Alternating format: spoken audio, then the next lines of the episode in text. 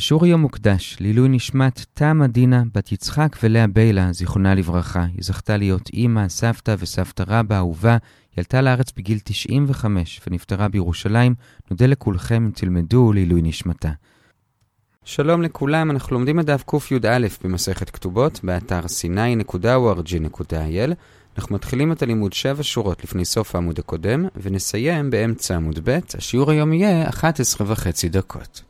היום וגם מחר הנושא שלנו זה ארץ ישראל. זה מובא בהקשר למשנה שבעל או אישה יכולים להכריח את השני לעלות לארץ ישראל, והיום נחלק את הגמרא לגבי זה לשלושה חלקים. החלק הראשון זה לגבי המצווה או האיסור לגור בארץ ישראל. עכשיו זה נראה שבגמרא יש שתי גישות. גישה אחת אומרת שיש מצווה לגור בארץ ישראל, ומשמע שגם בזמן הגלות עדיין יש מצווה. גישה שנייה אומרת שבזמן הגלות יש איסור לעבור לגור בארץ ישראל. אז נתחיל בגישה הראשונה, יש מצווה לגור בארץ ישראל, לגבי זה נלקט מהגמרא ארבע מימרות וברייתות. הדבר הראשון זה ברייתא שאומרת שכל מי שגר בארץ ישראל דומה כמי שיש לו אלוה, וכל מי שלא דומה למי שאין לו אלוה. אחרי זה הגמרא מתקנת שזה לא עד כדי כך, אלא יש לו אלוה, אבל זה גם נחשב כאילו שהוא במקביל עובד עבודה זרה, והגמרא לומדת את זה מהפסוק לתת לכם את ארץ כנען, להיות לכם לאלוהים. כלומר, מתי השם הוא אלוקים שלנו? בארץ כנען, וגם רואים את זה בדוד שכתוב כי גירשוני היום מסתפח בנחלת השם, לאמור לכבוד אלוהים אחרים. זה הדבר הראשון. אחר כך בהמשך הגמרא, באמצע עמוד א',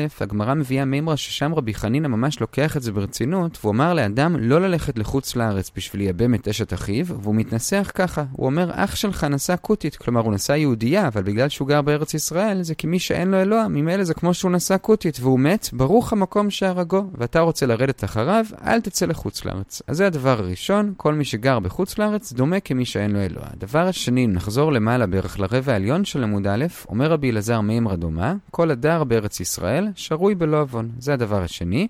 הדבר השלישי, נחזור לאמצע העמוד, אומר רב יהודה בשם שמואל, כמו שאסור לצאת מארץ ישראל לבבל, כך אסור לצאת מבבל לארצות אחרות. עכשיו על בבל נדבר בהמשך, אבל אנחנו רואים שאסור לצאת מארץ ישראל לבבל. עד כאן הגישה הראשונה, צריך לגור בארץ ישראל ואסור לצאת ממנה, ולכאורה משמע שגם בזמן הגלות. הגישה השנייה זה של רב יהודה, זה מחזיר אותנו לשורה השנייה לפני סוף ק"י עמוד ב', ושם אומר רב יהודה שאסור לצאת מבבל ולעלות לארץ ישראל, ומי שעושה את זה עובר על מצוות עשה. לעומת זאת רבי זירא אומר שמותר. מה המחלוקת? אז הגמרא מביאה שתי הצעות. ההצעה הראשונה זה שרב יהודה למד את זה מבבל היובאו, ושם יהיו עד יום פוקדי אותם, כלומר אסור לכם לצאת לבד מבבל עד שהשם יוציא אותם, אבל רבי זירא דוחה זה לגבי כלי המקדש, זה לא לגבי עם ישראל. לכן הצעה שנייה זה מהפסוק השבעתי אתכם בנות ירושלים. ירושלים, אם תאירו ואם תעוררו את האהבה, עד שתחפץ. עכשיו, האמת היא שבשיר השירים יש שלושה פסוקים כאלה שהם מאוד דומים, אז הגמרא למסקנה מביאה ברייתא של רבי יוסי ברבי חנינא, שדורש מהם שהשם השביע שלוש שבועות. שבועה אחת זה לעם ישראל שהם לא יעלו בחומה, כלומר שלא יעלו בכוח ובמלחמה על ארץ ישראל. שבועה שנייה שלא ימרדו באומות, גם כשהם נמצאים בגלות. ושבועה שלישית זה מופנה לאומות, שלא ישעבדו את עם ישראל יותר מדי. אלה השבועות בברייתות, ולזה לכאורה גם רב יהודה וגם רבי זיירה צריכים להסכים. אלא שהם חולקים האם האיסור זה רק לא לעלות בחומה, או גם אדם פרטי שעולה לבד בלי לעשות מלחמה. האם גם זה אסור? רב יהודה אומר שגם זה אסור, הוא לומד את זה מהכפילות, כי כתוב אם תאירו ואם תעוררו, זה פעמיים, אז בא ללמד שלא רק בחומה, אלא גם אדם פרטי. לעומת זאת רבי זיירה לומד מהכפילות משהו אחר. מה הוא לומד? הוא אומר שבעצם יש את הכפילות הזאת בכל שלושת הפסוקים, וממילא זה בא להוסיף לנו עוד שלוש שבועות, שאותם באמת לימד רבי לוי, וזה שלא יגלו את הקץ, ושלא ירחקו את הקץ על ידי חטאים, או לא ידחקו את הקץ. הארץ, ושלא יגלו את או סוד העיבור או סוד טעמי התורה לגויים, ממילא הוא לא יכול ללמוד משם שגם אסור לאדם פרטי לעלות לארץ ישראל. אז זה המחלוקת, שוב, לפי רב יהודה זה אסור אופן פרטי, לפי רבי זרע זה אסור רק אם עולים בחומה. בכל אופן, עד כאן הדיון בגישה השנייה, ועד כאן החלק הראשון של השיעור לגבי האם חייבים או שאסור לגור בארץ ישראל. החלק השני זה לגבי המעמד המיוחד שיש לבבל, בזכות התורה שיש שמה, וכאן נראה ארבע מימרות לגבי זה. המימרה הראשונה זה משהו שכבר הזכרנו, אומר רב יהודה בשם שמואל באמצע עמוד א', כשם שאסור לצאת מארץ ישראל לבבל, כך אסור לצאת מבבל לשאר הארצות, כי יש שם פחות תורה, וגם בתוך בבל אסור לעזוב אזור עם הרבה תורה לאזור עם פחות תורה, כמו מפומפדיטה לבי קובי, זאת מימרה ראשונה. מימרה שנייה זה של רבא ורב יוסף, הם אומרים שכשרים של בבל, ארץ ישראל קולטת אותם, כשרים של שאר הארצות, ובבל קולטת אותם. מה הכוונה? אז הגמרא מסבירה לגבי קבורה. כלומר, מי שנפטר בארץ אחרת, יש עניין להעלות אותו ולקבור אותו בבבל. מי שנפטר בבבל, יש עניין להעלות אותו ולקבור אותו בארץ ישראל. עוד מעט נפרט יותר לגבי קבורה בארץ ישראל. בכל אופן, זאת המימרה השנייה. המימרה השלישית לגבי בבל זה של רב יהודה, שנזכיר שמקודם הוא אמר שאסור לצאת מבבל ולעלות לארץ ישראל, אז עכשיו הוא מרחיב ואומר, כל מי שגר בבבל זה כאילו שהוא גר בארץ ישראל, והוא מביא לזה פסוק, הוי ציון הימלתי, יושבת בת בבל. כלומר, מי שגר בבבל עדיין מכונה ציון. ומימרה רביעית לגבי בבל, אומר אביי שבבבל הם לא יראו את חבלי המשיח, כלומר, את הצרות שיבואו לפני תקופת המשיח. עד כאן החלק השני לגבי בבל.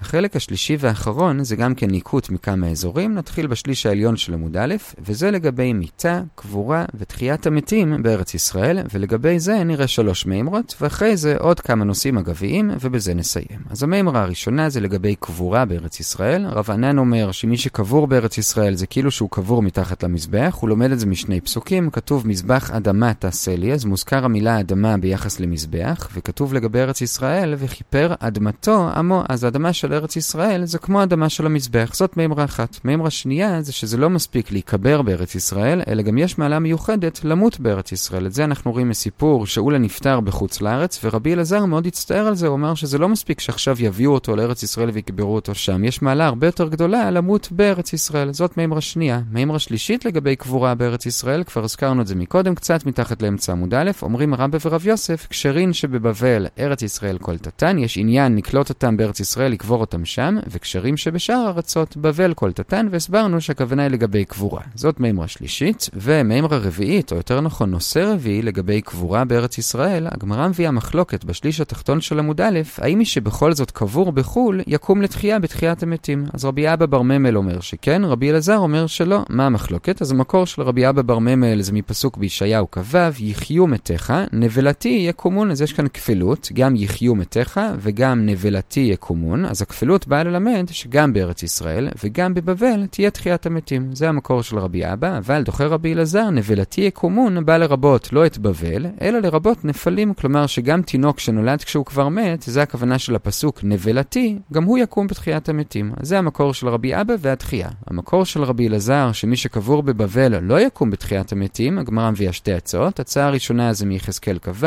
כתוב ונתתי צבי בארץ חיים, והוא דורש, הכוונה היא שאיפה אני אתן חיים? חיים רק בארץ צבי, צבי זה מלשון תפארת, כלומר הארץ שהתפארת של השם נמצאת בו, כלומר בארץ ישראל, רק שם יהיה תחיית המתים. זה מקור אחד, אבל דוחה רבי אבא יש דרשה אחרת לגמרי לפסוק הזה, שזה דווקא פסוק רע, וזה שיבוא צבי, שזה נבוכדנצר שהוא כליל כמו צבי, והוא יכבוש את ארץ חיים, כלומר את ארץ ישראל. אז את המקור הראשון דחינו. המקור השני של רבי אלעזר שבבבל לא תהיה תחיית המתים, זה מפסוק בישעיהו מ"ב, נותן נשמה לעם עליה. כלומר, למי השם ייתן נשמה בתחיית המתים? רק לעם שנמצא עליה, על ארץ ישראל. זה המקור השני, אבל גם את זה דוחה רבי אבא. הפסוק הזה בא לרבות שפחה כנענית, כי הרי כתוב כאן נותן נשמה לעם, ולגבי הגויים יש דרשה שאברהם אבינו אומר לנערים, שבו לכם פה עם החמור, ודורשים עם החמור, כלומר שהגויים הם עם שדומה לחמור, ממילא בפסוק נותן נשמה לעם, המילה עם באה לרמז שלא רק יהודים, אלא גם גויים. עכשיו זה לא אומר שגם גויים יקומו לתחיית המתים, מה שכתוב כאן זה שגם גויים שדבקים בעם ישראל, כלומר למשל שפחה כנענית, גם לה יש חלק לעולם הבא. בכל אופן, זה מה שהפסוק מלמד, וזה לא מגביל לתחיית המתים רק לארץ ישראל. אז עד כאן המחלוקת, האם בחוץ לארץ יש תחיית המתים או לא.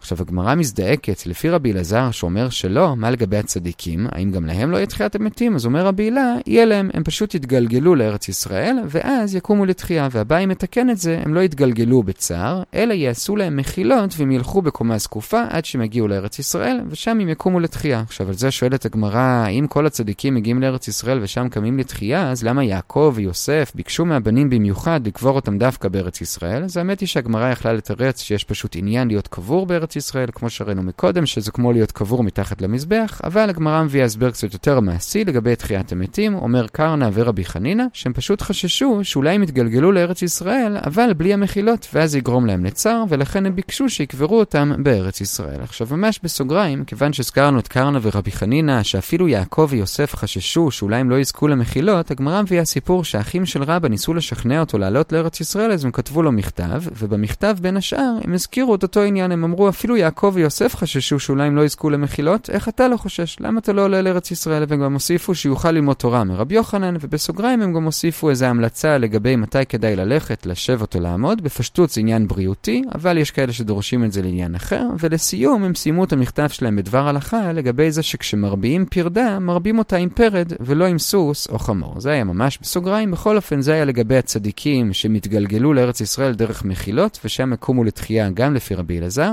ועד כאן עניין הרביעי לגבי מיתה, קבורה ותחיית המתים בארץ ישראל.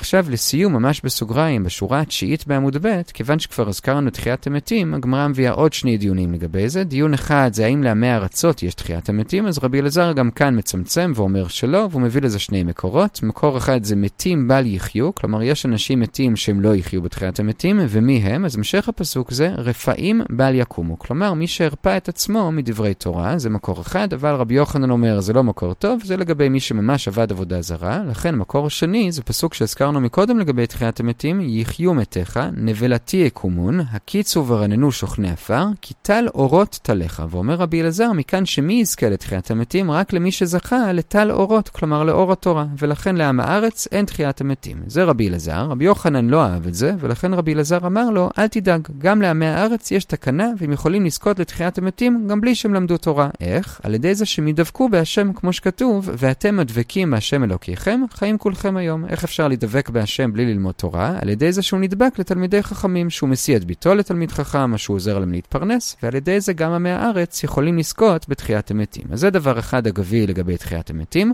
דבר שני אגבי לגבי תחיית המתים, זה לגבי הצדיקים. הגמרא אומרת עליהם שני דברים. דבר אחד, אם יקומו בתחיית המתים לבושים, הגמרא לומדת את זה קל וחומר מחיטה, שזורעים אותה ערומה והיא יוצאת מהאדמה לבושה. דבר שני, הם יקומו בירושלים, ואת זה לומדים מתהילים ע"ב, כתוב יהי פיסת בר בארץ, בראש הרים ירעש כלבנון פריו, ויציצו מעיר כעשב הארץ. ועיר זה ירושלים, אז הם יציצו מהעיר, כלומר בירושלים הם יציצו ויקומו מהאדמה בתחיית המתים. עד כאן הסוגריים לגבי תחיית המתים, בזה הגענו לאמצע עמוד ב', ועד כאן החלק השלישי של השיעור לגבי מיתה, קבורה ותחיית המתים בארץ ישראל. נעצור כאן, נחזור על מה שראינו. הנושא שלנו היום היה באופן כללי ארץ ישראל, חילקנו את זה לשלושה חלקים. בחלק הראשון ראינו שתי גישות, האם יש היום מצווה לגור בארץ ישראל או שיש איסור. הגישה הראשונה אמרה שזה מצווה, וראינו שמי שגר בארץ ישראל דומה כמי שיש לו אלוה, ומי שלא זה כאילו שהוא עובד עבודה זרה, עד כדי כך שרבי חנינא אמר לאדם לא לייבם את אשת אחיו, והוא קרא לה קוטי, כי הם גרו בחוץ לארץ. דבר שני, מי שגר בארץ ישראל שרוי בלא עוון, ודבר נוסף, רב יהודה בשם שמואל, אסור לצאת מארץ ישראל. זה הגישה שיש מצווה לגור בארץ ישראל גם בגלות, אבל יהודה אמר שיש איסור לעבור לארץ ישראל בזמן הגלות, ורבי זיירה התיר. מה המקור של רב יהודה? הביא לזה שני מקורות. בבל היובאו ושם יהיו, אבל רבי זיירה דחה את זה לגבי כלי המקדש. מקור שני זה מהשבועות בשיר השירים. הגמרא מביאה ברייתא ששם יש שלוש שבועות, שלא יעלו בחומה, שלא ימרדו באומות, ושהאומות לא ישעבדו את עם ישראל יותר מדי. רב יהודה לומד מהכפלות של אם תאירו ואם תעוררו, שזה לא רק שאסור לעלות בחומה, אלא גם לאדם פרטי, אבל רבי זיירה לומד מהכפלות משהו אחר, וזה עוד שלוש שבועות, וזה שלא יגלו את הקץ, לא ירחקו, ידחקו את הקץ, ולא יגלו את הסודות שלנו לגויים. עד כאן החלק הראשון. החלק השני היה לגבי המעמד המיוחד של בבל. רב יהודה בשם שמואל אמר שאסור לצאת גם מבבל לארצות אחרות שיש בהן פחות תורה, וגם בתוך בבל לא לעבור למשל מפומפדיטה לבי קובי. דבר שני, הקשרים של שאר האומות קוברים אותם בבבל, יש בזה מעלה, אבל הקשרים של בבל קוברים אותם בארץ ישראל, כמו שנראה עוד מעט, בחלק הבא. מימרה שלישית זה רב יהודה שמי שגר בבבל זה כאילו שהוא גר בארץ ישראל, ומימרה רביעית אומר אביי שבבבל לא יראו את חבלי המשיח. זה היה החלק השני. בחלק השלישי דיברנו על מיתה, קבורה ותחיית המתים בארץ ישראל. ראינו לגבי זה ארבעה דברים. דבר אחד, קבורה בארץ ישראל. רבנן אמר שזה כאילו שהוא נקבר תחת המזבח. דבר שני, רבי אלעזר אמר שגם יש מעלה למות בארץ ישראל, לא רק להיקבר בה. דבר שלישי, רבא ורב יוסף אמרו לגבי קבורה, שהקשרים של שאר הארצות קוברים אותם בבבל, כמו שכבר הזכרנו. ודבר רביעי, האם יהיה תחיית המתים למי שקבור בבבל? רבי אבא בר ממל אומר שכן, הוא דורש את זה מיחיו מתיך, נבלתי יקומון. הכפילות מלמדת גם על בבל, אבל רבי אלעזר אלעזר דוחה, זה מרבה את הנפלים. רבי אלעזר לעומת זאת אומר שאין תחיית המתים בחוץ לארץ, וזה מ"ונתתי צבי בארץ חיים", יש חיים דווקא בארץ צבי, אבל רבי אבא דוחה שזה מדבר על נבוכדנצר, לא על תחיית המתים, ולכן דרשה שנייה של רבי אלעזר נותן נשמה לעם עליה, דווקא על ארץ ישראל, אבל רבי אבא דוחה, זה מרבה שפחה כנענית. עכשיו שואלת הגמרא, לפי רבי אלעזר שאין תחיית המתים בחוץ לארץ, מה לגבי הצדיקים? אז אומר רבי הילה, לפי אביי, יעשו להם מחילות והם לארץ ישראל, ושם יקומו, אבל בכל זאת יעקב ויוסף ביקשו שיקברו אותם בארץ ישראל, כי הם חששו שהם יעלו, אבל אולי הם לא יזכו למחילות, ואז הם יתגלגלו לארץ ישראל ויהיה להם צער. זה היה לגבי תחיית המתים. בסוגריים ראינו עוד שני דברים לגבי תחיית המתים. דבר אחד זה לגבי האם לעמי ארצות יש תחיית המתים, אומר רבי אלעזר שלא, רבי יוחנן לא אוהב את זה, אבל בסוף גם רבי אלעזר אומר שיש להם תקנה על ידי זה שהם יסיעו את ביתם לתלמידי חכמים, או יפרנסו תלמידי חכמים, ועל ידי זה הם דבקים בהשם. דבר שני, לגבי תחיית המתים של הצדיקים, הם יקומו במלבושיהם, והם יקומו בירושלים, כמו שכתוב בתהילים, ויציצו מעיר כעשב הארץ. עד כאן להיום, מחר נראה עוד דרשות לגבי הפסוק שהרגע הזכרנו, יהי פיסת בר וכולי, ויציצו מעיר כעשב הארץ. כל טוב.